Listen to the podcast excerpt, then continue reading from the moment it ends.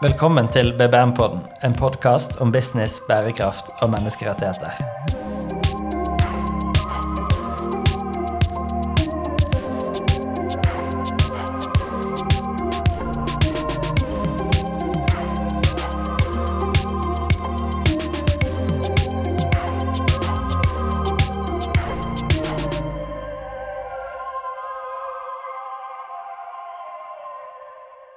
Endelig en ny episode av BBM-podden, Johanne.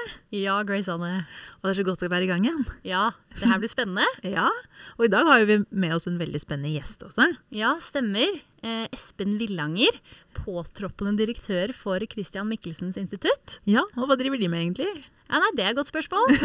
ja. De er jo forskningsinstitutt mm -hmm. som jobber med utviklingsspørsmål. Ja. Eh, og så er det jo sånn at eh, BBM-podden er jo kanskje litt Eh, over snittet interessert i det som går på økonomisk utvikling. Ja. Så det blir kanskje det vi skal fokusere mest på i episoden i dag, da. Ja, det blir veldig spennende. Skal vi bare kjøre i gang, eller? Jeg tror det blir bra, jeg. Ja.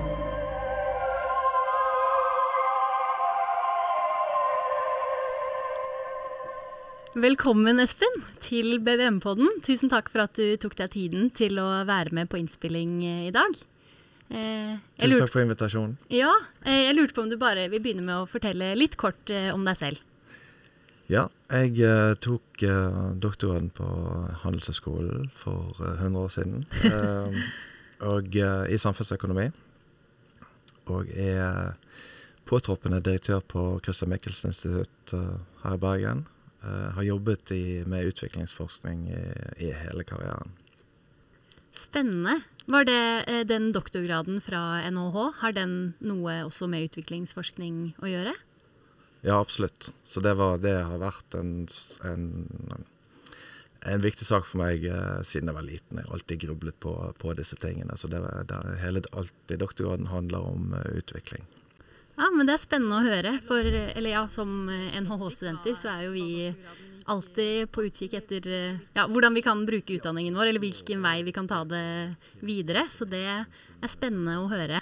Eh, og før det så eh, er du utdannet samfunnsøkonom fra Universitetet i Bergen, ikke sant? Riktig. Mm. kan du fortelle litt om, din, om, ditt studieliv, om studenthverdagen? Ja, det var veldig kjedelig. Ja. Så jeg eh, var eh, tidlig på familielivet og, og fikk meg kjæreste. Så, så, det var lite, lite moro og, og mye, mye, fag. Eh, jeg deltok veldig aktivt på mange fronter. Da, så jeg var politisk aktiv og innvalgt i kommunestyret i en kommune vest for Bergen. Og veldig, veldig aktiv, vil jeg si. Mm. Ja, men så kult. Du har vært aktiv lenge. Mm. Um, og så tenkte jeg å spørre deg nå, da, bare siden nå er du med i BBM-potten. Og den handler jo da om business, bærekraft og menneskerettigheter. Så hva tenker du når du hører de ordene, og kanskje de ordene i kombinasjon? Business, bærekraft og menneskerettigheter. Når jeg tenker business, så tenker jeg at eh, det er kanskje den viktigste faktoren som har gjort at eh, økonomisk fattigdom har blitt ekstremt mye redusert nesten på hele jordkloden. Så hvis vi ser over, over generasjoner, så er den eh, jobbskapingen og inntektsøkningen som, som, har bidratt til dette, det kommer fra privat eh, virksomhet. Veldig mye. Um, og bærekraft i den, i den, sammenheng, det er at uh, vi generelt sett har vært altfor dårlige til å tenke på at det kommer generasjoner etter oss som også skal ha samme eller i hvert fall samme velstandsnivå, helst eh, høyere for de, for de fattigste landene. Og det er ikke ivaretatt med den måten vi, vi produserer i dag, og der har vi store utfordringer. Menneskerettigheter litt på, eh, litt på, på siden, så det, det, kan være store brudd på menneskerettigheter i veldig rike og godt fungerende samfunn, som vi har sett. Og, eh, og, det motsatte, det kan være menneskerettighetene kan være godt ivaretatt i fattige samfunn. Så det er litt i, forhold til den, den store historien om, om, hvordan utviklingen har skjedd eh, de siste ti årene, så er det en, en, faktor som har levd litt på siden, vil jeg mene. Mm, sant, ja. Um, og så nevnte du at du er påtroppende direktør nå i Christian Michelsen institutt. Ja. Vil du fortelle litt, hva er det, og hva gjør dere der? Og hva gjør du der, spesifikt? Ja, Så vi er et samfunnsvitenskapelig forskningsinstitutt. eh, Litt over eh, 100 personer nå. Um, Og vi jobber med å forstå utvikling og eh, forstå hva løsninger som trengs på utviklingsproblemene, eller utviklingsutfordringene. I hovedsak er vi samfunnsøkonomer, eh, statsvitere og antropologer. Eh, Og vi jobber på en eh, rekke forskjellige områder. Mange av de veldig viktige for norsk utviklingspolitikk. Ja, Ikke sant. Um, og hvordan, altså når du snakker om utvikling, da, hva, hva sikter du til da? Der er det jo mange forskjellige definisjoner. Mhm. Um, så vi samfunnsøkonomene har vært veldig opptatt av økonomisk utvikling og fattigdomsreduksjon målt i økonomiske termer. Mm. Eh, mens eh, statsviterne fokuserer veldig mye på eh, utvikling av, eh, av rettssystemene, eh, politi, eh, håndhevelse av, av lovene. Eh, og eh, antropologene fokuserer mye på, på diskurser, hvordan vi forstår ting, eh, begrepene som brukes, og hvordan begrepene i seg sjøl er eh, styrt av, av, av måten vi tenker på. Um, Mhm. Og eh, hva er din rolle, hva jobber du med nå? Så nå har jeg mange hatter, egentlig, en sånn overgangsfase før jeg tar over som, eh, som direktør. Eh, men jeg har vært eh, Jeg er forskningsleder for eh, eh, fattigdomsgruppen og naturressursgruppen på, på CMI. Og jeg leder et senter som vi har opprettet som har som formål å, å eh, forske på effekter av eh, utviklingstiltak og de mekanismene som ligger bak hvorfor forskjellige typer tiltak virker og ikke virker. Det høres eh, ja, veldig spennende ut, og ikke minst ut som eh, viktig arbeid. I hvert fall ja, potensielt hvis man, hvis man får noen gode resultater, eller finner ut noe som, som ikke tidligere eh, var kjent. Jeg bare lurer litt på eh, om du kan eh, trekke fram noen spesielt kule funn fra eh, instituttet. Enten eh, fra ditt eget forskningsarbeid, eller noe som noen andre har forsket på, som du syns er eh, ja, spesielt interessant eller eh, kult. Ja, vi har et, et stort team av forskere som jobber med hvordan kvinners posisjon, female empowerment, som vi benevner det på, på engelsk, så hvordan kvinners stilling kan styrkes i fattige land. Og da er det en eh, viktig teori at det å få at kvinner kommer ut i arbeidslivet, eh, får seg en jobb, kan være økonomisk uavhengig av mannen. Det er en viktig eh, årsak til at eh, kvinner styrker sin stilling i, eh, i rikere land.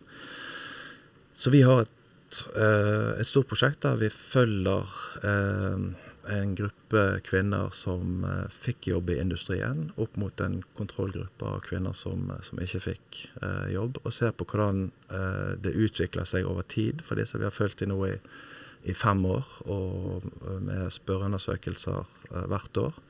Og ser på hvordan beslutningsmakt i hjemmet, hvem som bestemmer hva av, eh, av mann og kvinne eh, og en rekke andre faktorer som vi eh, mener er sterkt relatert til, til eh, kvinners stilling, sånn som vold i hjemmet f.eks. Beslutninger om eh, å få barn eh, og flere, flere elementer. Det, og det, det er ikke kult, men, men vi finner at i hvert fall i denne settingen med fattige kvinner i Etiopia, så ser det ikke ut til at det, det at de får jobb i industrien påvirker noen av disse faktorene i positiv retning. Eh, Så det er en sånn eh, kanskje lite sånn varsku i forhold til eh, generell oppfatning om at økonomisk utvikling og sysselsetting òg skal løse den typen utfordringer. Skjønner. Det ja. Eh, ja, spennende, for det er jo sånn man kanskje skulle tro, eller at man kanskje har sett fra, fra tidligere studier, eller fra, fra data, at det ser ut som eh, at økonomisk uavhengighet eh, og, ja, og kvinners eh, empowerment henger eh, så tett sammen. men ja, at historien er litt mer komplisert. Det er viktig å kunne belyse. Ja, sant. Men får det noen, noen andre, eller noen annen betydning eller ringvirkninger da, for de kvinnene som er i jobb? Har dere sett noe på det? Ja, det er klart at den store historien som jeg begynte med her, at uh, fattigdommen reduseres veldig mye, det har en, en stor positiv virkning på familiene sin økonomi, at kvinnen får seg jobb. Så der, og den uh, økte inntekten er veldig viktig, for dis, dette er folk som uh, når de mangler penger, så vil de f.eks. redusere antall måltider per dag for, for at familien skal klare seg over tid. Sånn. Så det er, en, det er en ganske alvorlig eh, fattigdom i, i området som har store konsekvenser for, for, eh, for disse folkene. Så det at de får en stabil inntekt, som selv om den ikke er veldig høy, så har det store positive virkninger for velferden deres. Mhm, sant. Og på, altså, hvis man løfter opp et tak på en måte da, og sier liksom, ja det får betydning for enkeltfamilier, men det at flere enkeltfamilier i et område altså, får bedre inntekt da, fordi kvinner også får jobb, har det noe betydning også? Har dere sett noe på det? Vi har ikke, vi har ikke forsket på det, men Nei. det er åpenbart at den inntektsinnsprøytningen som er i disse, disse områdene, er veldig viktig. Så det, Mm. det genererer sysselsetting for andre utenfor disse fabrikkene.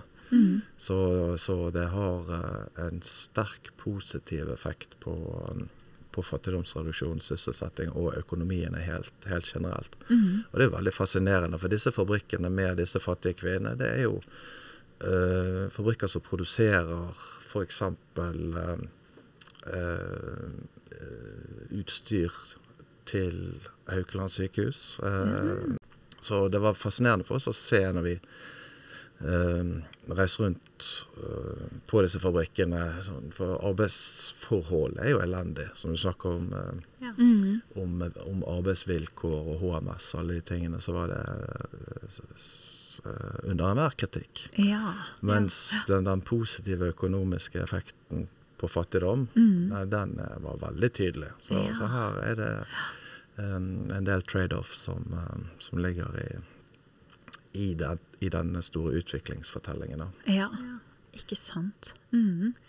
Men ja, og så er det kanskje naivt, da. Men eh, spennende spørsmål allikevel. Hvorfor det nødvendigvis trenger å være en trade-off? Er det sånn at fordi man har så dårlig HMS-sikring og tiltak, er det, betyr det at man kan ansette fler? For sånn sett så, så ville man jo sett på det som en reell trade-off. Men, men ja, med en litt naiv kanskje tankegang, så skulle man jo tro at man kunne klare å ansette flere mennesker og allikevel ivareta disse disse HMS-hensynene?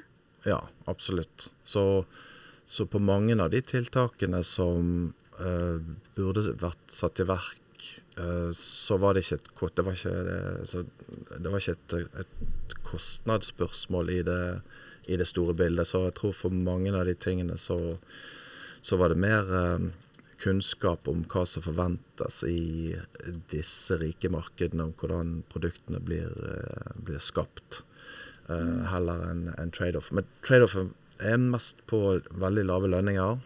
Ja. Så der tror jeg det er en faktor som, som var viktig for å se oppblomstringen av alle disse fabrikkene, at lønningene faktisk var veldig lave.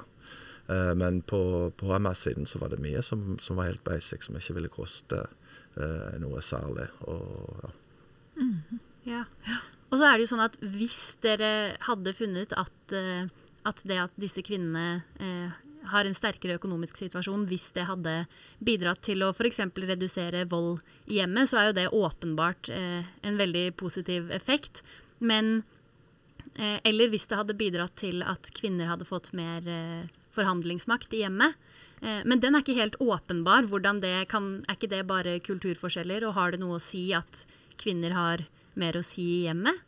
Har du noe å si Ja, om det? Altså, jeg var, jeg var ganske sikker før vi begynte på dette prosjektet at det ville være en reduksjon i vold i hjemmet av at kvinner kvinnene fikk jobb. Så jeg var litt overrasket over det. Og grunnen til at jeg tror det, er at eh, når de får jobb, så kan de flytte. De kvinnene Ja. som blir utsatt for vold, de kan flytte og klare seg sjøl. være økonomisk uavhengig. Og det vil jo være en trussel hvis ikke mannen oppfører seg fint i ekteskapet, så vil kvinnen flytte.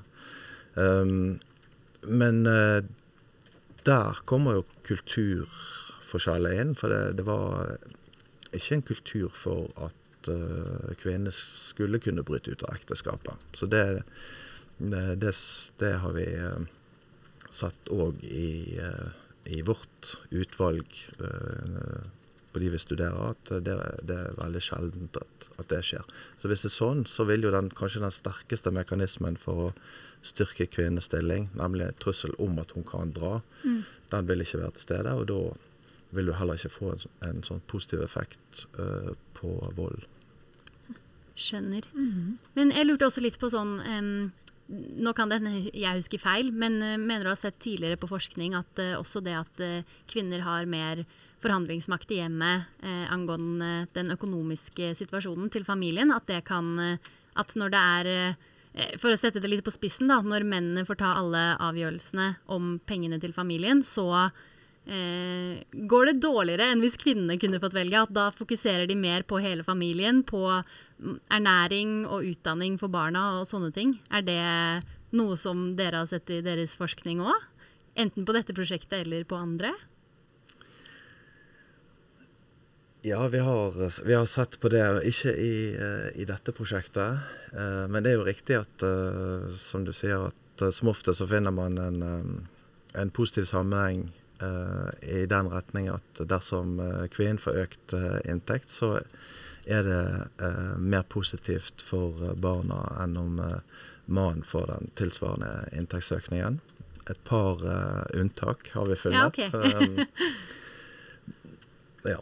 Ja, for det ville jo da vært viktig for sosial mobilitet og, og sånne ting potensielt. Men, eh, Absolutt. men ja, det blir spennende å se når dere fortsetter, for jeg regner med at prosjektet ikke er ferdig ennå, og se om, eh, ja, om ting endrer seg, eller om, om, de funnene Ja, det er jo kanskje sannsynlig at det man begynner å se, eh, er det man ender opp med også som resultater. Men ja, å se ja. hva som skjer.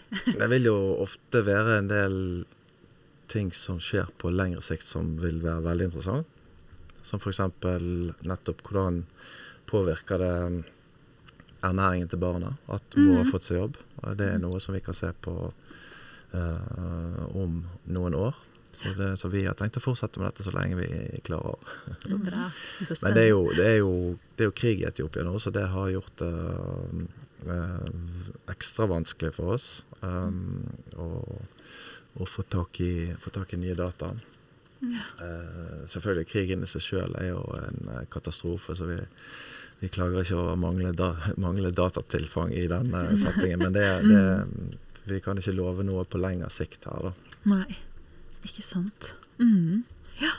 ja. for dere finner jo da i forskningen deres en rekke funn. Og hvem er det som bruker disse funnene, eller har nytte av dem, eller ja, hvordan Ja. Er det i næringslivet f.eks., eller ja, vil du si noe om det? Ja, vi eh, jobber mye sammen med forskjellige bistandsaktører som har programmer for å redusere fattigdom, for å forbedre skatteinngang, for å jobbe mot uh, uh, tradisjonelle skadelige skikker som kjønnslemlestelse, barneekteskap og uh, egentlig en haug av de mest negative tingene som, som som vi har i disse landene, så er det bistandsprogrammer som prøver å gjøre noe med de problemene. Og en fellesnevner for disse er at veldig ofte så vet ikke vi hva som virker og ikke virker. Så, så vi klarer ikke å observere om eh, programmene hjelper. Og det er en kjerneoppgave for oss å jobbe med disse organisasjonene med vitenskapelige metoder og teste ut om disse tingene fungerer eller ikke. Mm. Ja, og da er det jo For hvis man da finner ut noe som kan funke, så vil jo det da, tenker jeg i hvert fall, eh, være relevant for, for, næringslivet. Eller den rollen næringslivet har i å eh, jobbe mot eh, bærekraftsmålene. Eh, og så lurte jeg litt på, fordi det er jo veldig mange forskjellige organisasjoner i næringslivet som, ja, som driver med corporate social responsibility eller lignende aktiviteter. Hva tenker du om effekten av, av dette fokuset hos næringslivet? Jeg men dette, dette har vi ikke så veldig mye eh, forskning på. Men, men jeg tror nok at det er en tendens eh, som ligner litt på miljøet. eh, det å promotere miljø og være miljøbevisst. At det er lett for Sånn som i at man grønnvasker ting Ja. i, i eh, miljøsammenheng, så vil man òg lett kunne talk the talk når det gjelder eh, corporate social responsibility, når det gjelder samfunnsansvar. Um, så um, vi har et forskningsprosjekt på, på samfunnsansvar der vi prøver å se på om det har noen, eh, noen effekt at de, at de sjøl sier at de uh, gjør disse tingene, og sammenligner med andre tilsvarende bedrifter som ikke tar standpunkt. Uh, um, det er nok ikke noe særlig effekt av det. Så, så, så vi tror jo at eh, det, det som er viktig, er å jobbe med myndighetene og sette klare standarder. Og så at myndighetene må håndheve disse standardene. For det fant jo vi i Etiopia, disse fabri fabrikkene, når det var veldig kritikkverdige arbeidsforhold. Så intervjuet vi de eh, som hadde ansvaret for å eh, følge opp bedriftene fra Arbeidstilsynet der nede. Og de sa jo at, eh, at det var ingen, de hadde ikke noen ressurser til å håndheve de reglene som faktisk var på området. Ja det, var, ja, det var gøy du sa, nevnte grønnvasking, for det skulle være oppfølgingsspørsmålet mitt. Om, eh, om disse samfunnsansvartiltakene egentlig bare var eh, eksempler på, på grønnvasking. For noe av det som jeg tenker, er at eh, det virker som om det er en del eh, bedrifter som eh, ja, snakker høyt om at de tar samfunnsansvar, og så kan det være at de driver med et eller annet som er helt urelatert til den virksomheten de ellers driver med til daglig. Som eksempel eh, ja, hvis de er en eller annen produksjonsbedrift som produserer et eller annet i eh, et utviklingsland, men så har de eh, samfunnsansvar om at eh, de eh, kommer jeg ikke på noen gode eksempler, bidrar til eh, biblioteker og skolegang i et eller annet annet land, da, som også er et utviklingsland, og selvfølgelig kanskje viktig det òg. Men, eh, men det jeg tenker, er jo at det hadde jo Hadde det ikke vært bedre hvis de bare fokuserte på egen drift og egen bedrift, og ja, sånn som du sier, kanskje samarbeide med myndighetene i de landene der, eller samarbeide slash motarbeide, kommer an på hvordan man ser det. Men eh, ja, i de landene der de produserer, for å, eh, ja, for å endre ting fra innsiden. Tror du det kanskje kan være den eh, men, men det, og det er jo en prosess, en prosess man kanskje ikke har lyst til å snakke så høyt om. For det er ikke så lett å peke på enkle seire. Så det er derfor kanskje det ikke skjer like mye. Men, men tror du at det kanskje kan være den eh, rollen som næringslivet burde ta da, for å nå bærekraftsmålene, og jobbe med å gjøre sin egen drift så bra som mulig? Ja, jeg, det tror jeg eh, absolutt. Eh, næringslivet sammen med, med myndighetene. Og, og her kan jo bistand spille en rolle for å fasilitere og, og dekke en del av utgiftene for å få ting i gang. Men det er klart at, at eh, det vil jo ikke være en enkeltbedrift sin interesse å skulle ha mye strengere krav til egen produksjon når alle de andre ikke vil eh, følge de, eh, eh, de reglene. Det er det ene. Så det vil være ei For de som er opptatt av dette, så vil det være en, en koordinert innsats vil være klart å foretrekke. Det andre er at det er jo mange ting som er teknisk vanskelig på dette feltet. Som, Mm. Bare sånn et eksempel på når vi besøkte skofabrikken som produserte disse Toms-skoene, så var det så sterk limlukt inne i denne fabrikken at uh, noen av våre folk fikk uh, hodepine etter å ha vært der en halvtime. Ja. Ja. Så, så, men det vet man ikke hvis ikke man Og det, dette er jo underleverandører. Så de som, de som sant, Det er andre bedrifter som kjøper fra disse fabrikkene. Mm. Og det er disse andre bedriftene som, som vi som forbrukere stiller til, stiller til veggs på om de har hatt eh, gode arbeidsvilkår i produksjonen av, av disse skoene. Så det leddet, og der kan det være flere ledd ned til den faktiske produksjonen. Og det er ikke alltid like lett for de å, å vite alle de forskjellige tingene som egentlig burde vært på plass i, mm. i produksjonen. Uh, og, og mange ting her ville jo en, eh, et uh, viftesystem. De hadde viftesystem i, i fabrikken, men det, det, var ikke på. Uh, så, så det var sånn Jeg tror ikke altså, uh, Alle tenker at det er mulig å produsere den typen sko uten at det er så sterk limlukt i lokalet at det ikke kan være folk der. Ja, dette er jo ja. samme teknologi som brukes i andre land for å produsere den type sko. Så, mm. så det er nok mange ting som, som kommer av at de er ikke vant med den typen standarder. Mm. Uh, og at ikke de har et uh, godt system for å håndheve det. Og begge deler er ganske low hanging fruits uh, for, for, å, få til da. Skjønner. Men det, ja, fordi det her problemet med underleverandører, det, det, tror jeg er ganske kjent. Eller det er noe av det som gjør at det virker så håpløst å, å få til noe, noe positiv endring. Um, Eh, men så er det jo eh, også eh, sånn at vi skal få en ny lov i Norge som skal tre i kraft. Jeg lurer på om det er 1. juli, nå kan det hende jeg husker feil, men, men, neste år i hvert fall, i løpet av 2022, at den skal begynne å virke. Åpenhetsloven, har du hørt om den? Nei, faktisk ikke. Nei, ok, Spennende. Fordi jeg lurte jo på, eller jeg har, har vært veldig opptatt av den selv, da, men som går på at man skal um, kunne stille spørsmål eh, til eh, selskaper som selger varer i Norge eh, om produksjonen av deres mm. eh, produkter. Og så har de da, da har man, eh, ja, Som forbruker som stiller spørsmål, så har man rett på å få svar. Så da har de også en plikt til å vite, da. Eh, og til å gjøre aktsomhetsvurderinger av sin eh, verdikjede.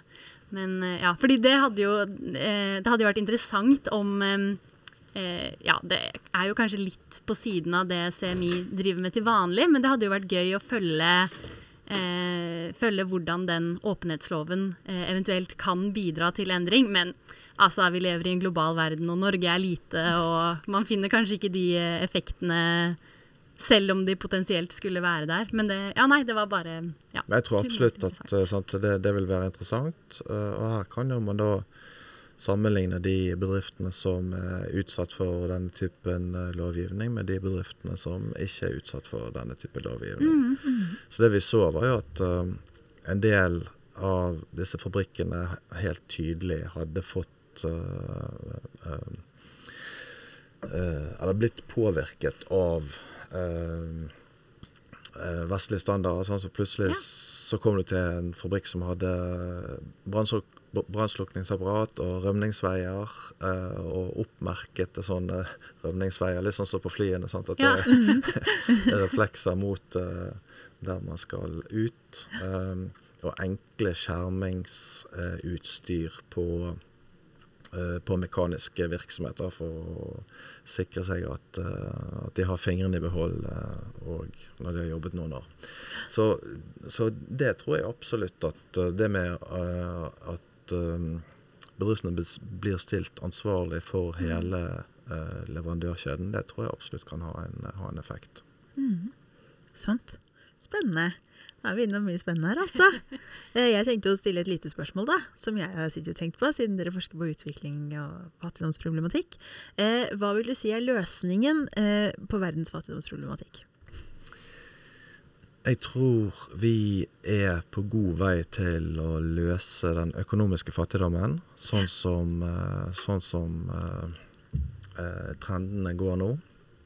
Og da er det i stor grad Afrika, Afrika sør for Sahara, der det går feil vei. Uh, så, så den De landene som, som gjør de rette tingene i forhold til å ha orden i egen økonomi, Uh, og dette er det mye forskning på. Altså, hva skal til for at du skaper den stabiliteten som gjør at næringslivet investerer, mm. produserer, eksporterer? Alt dette er velkjent. Ja. Så hvis du har myndigheter som legger til rette for det, og mm. gjør de riktige tingene, så vil du kunne se høy økonomisk vekst i disse landene over mange tiår. Mm. Og det vil komme store deler av befolkningen til gode uh, gjennom uh, redusert fattigdom. Og dette dette ser vi eh, veldig mange steder. Og så vil vi ha problemområder fortsatt, med konflikter, med elendig styresett, med myndigheter som ikke tar ansvar. Mm. Uh, og, der, og da vil du uh, ikke få løst uh, fattigdomsproblemene, fordi at det vil ikke være noen interesse for uh, særlig økonomisk virksomhet. Alt blir smått, og, uh, og du, får ikke, du, får ikke, fart på, på økonomien. Mm. Så det betyr at vi må løse de andre problemene. Det som gjør at, at, uh, ut, at ikke de får den fattigdomsreduksjonen. Og det er jo selvfølgelig mye, mye mer komplisert. Det har vi lært the hard way uh, opp gjennom i historien at det å skape fred i mm. uh, land der det er konflikt, ja. det uh, er veldig vanskelig. Mm. Vi kan bruke alt vi har av ressurser og de beste militærfolkene alt sammen og ta over et land, sånn som vi gjorde i Afghanistan, mm. og være der tiår etter tiår og prøve å bygge opp en stat. Mm. Og så rakner alt på en uke. Mm. Mm. Så selvfølgelig mange andre eksempler på hvor vanskelig det er å komme utenifra og skulle gjøre, gjøre jobben. Mm. Enten det er fredsbygging eller det å bygge, eh, bygge et samfunn. Eh, det må komme innenfra, mm. eh, og den jobben må de i hovedsak gjøre sjøl i landet, men vi kan bidra. Mm. Hvordan da? Jeg tror jo Nå er det en del forskning på hvordan bistand virker på nettopp dette på økonomisk vekst og på fattigdomsreduksjon. Og det er en, en generell enighet om at det er en positiv effekt av bistand på, på økonomisk vekst og på fattigdomsreduksjon. Så, så, bare det at du har økonomisk, at du får en stabil, jevn økonomisk vekst i et land, så betyr det òg at de fattigste òg vil ta del i den, den veksten. Mm. Og klarer du da å bruke bistand på en måte som gjør at du får satt flere hjul i sving. Mm. Eh, at, uansett hvis du Dette har jo dere på Handelshøyskolen fra i samfunnsøkonomi. Når du får en stor eh, valutagave uten, utenfra, så kan du bruke, så kan du øke produksjonsmulighetene i landet. Du får inn den valutaen sånn at du kan eh, importere de tingene du trenger for, eh, for et næringsliv. Uh, og det i, i seg sjøl, og de multiplikatorvirkningene som, som, det vil ha på, på, økonomien, det er vanskelig å se for seg at ikke det skulle være positivt på, på økonomisk vekst, bortsett fra i disse spesialtilfellene der uh, konflikt og, og mm. andre ting gjør at, uh, at økonomien vil gå dårlig uansett. Mm. Mm. Skjønner. Ja. Så da er det, da er det riktig da, at Norge fortsatt uh, driver med bistand, og at vi bruker 1% av, vår, av vårt bruttonasjonalprodukt på, på bistandsprosjekter? Ja, absolutt. Eh, det, har vi, det, har vi, råd til. ja. for det er jo sånn at det er ikke vi i de rike landene som skal gjøre jobben på noen av disse områdene. og når det er sånn at bistanden øker den økonomiske veksten, så vil jo disse landene etter hvert bli i stand til å håndtere alle disse problemene sjøl. Mm. Så det å få den, den inntektsveksten å komme opp på et, på et, visst nivå, så vil de kunne løse eh, problemene på, på helse og utdanning osv. Eh, for egen maskin. Mm. Sant. Men er det du nå sier, fordi det var jo dette med at det er stabile strukturer, at det er fred i et land, men også på en måte verdiskapning, og da, sånn jeg forstår det, på en måte at, at, ja, at det er vekst, at, at, folk får jobber, og at, ja, at, næringene går bra.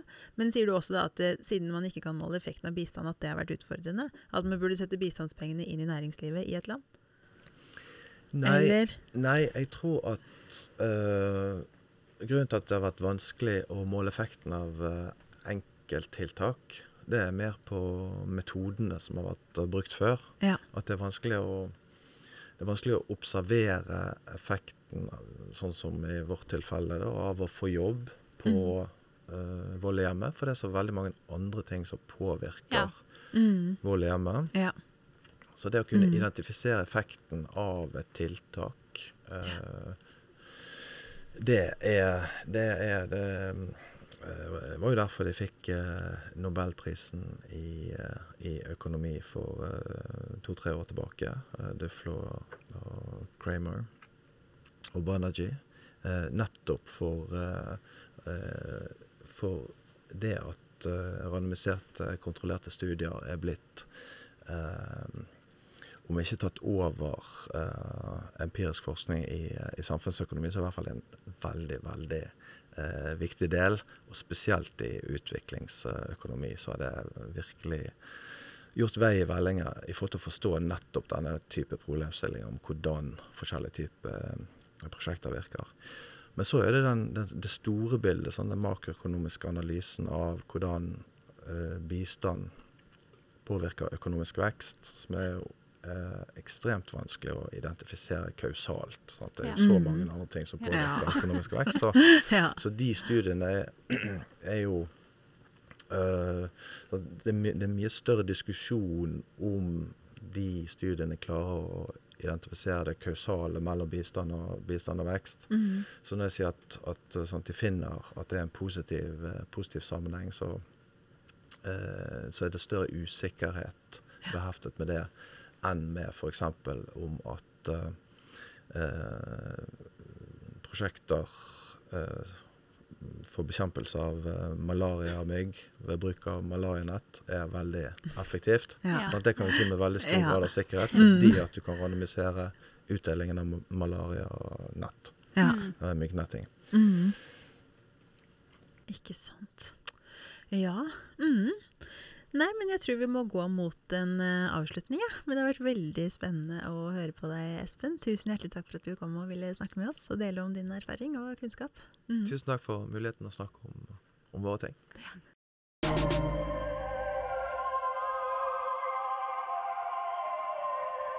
Takk for at du hørte på episoden. Vi håper du syntes den var spennende. Husk å abonnere hvis du vil få med deg neste episode. BBM-podden produseres av Rafto NOS.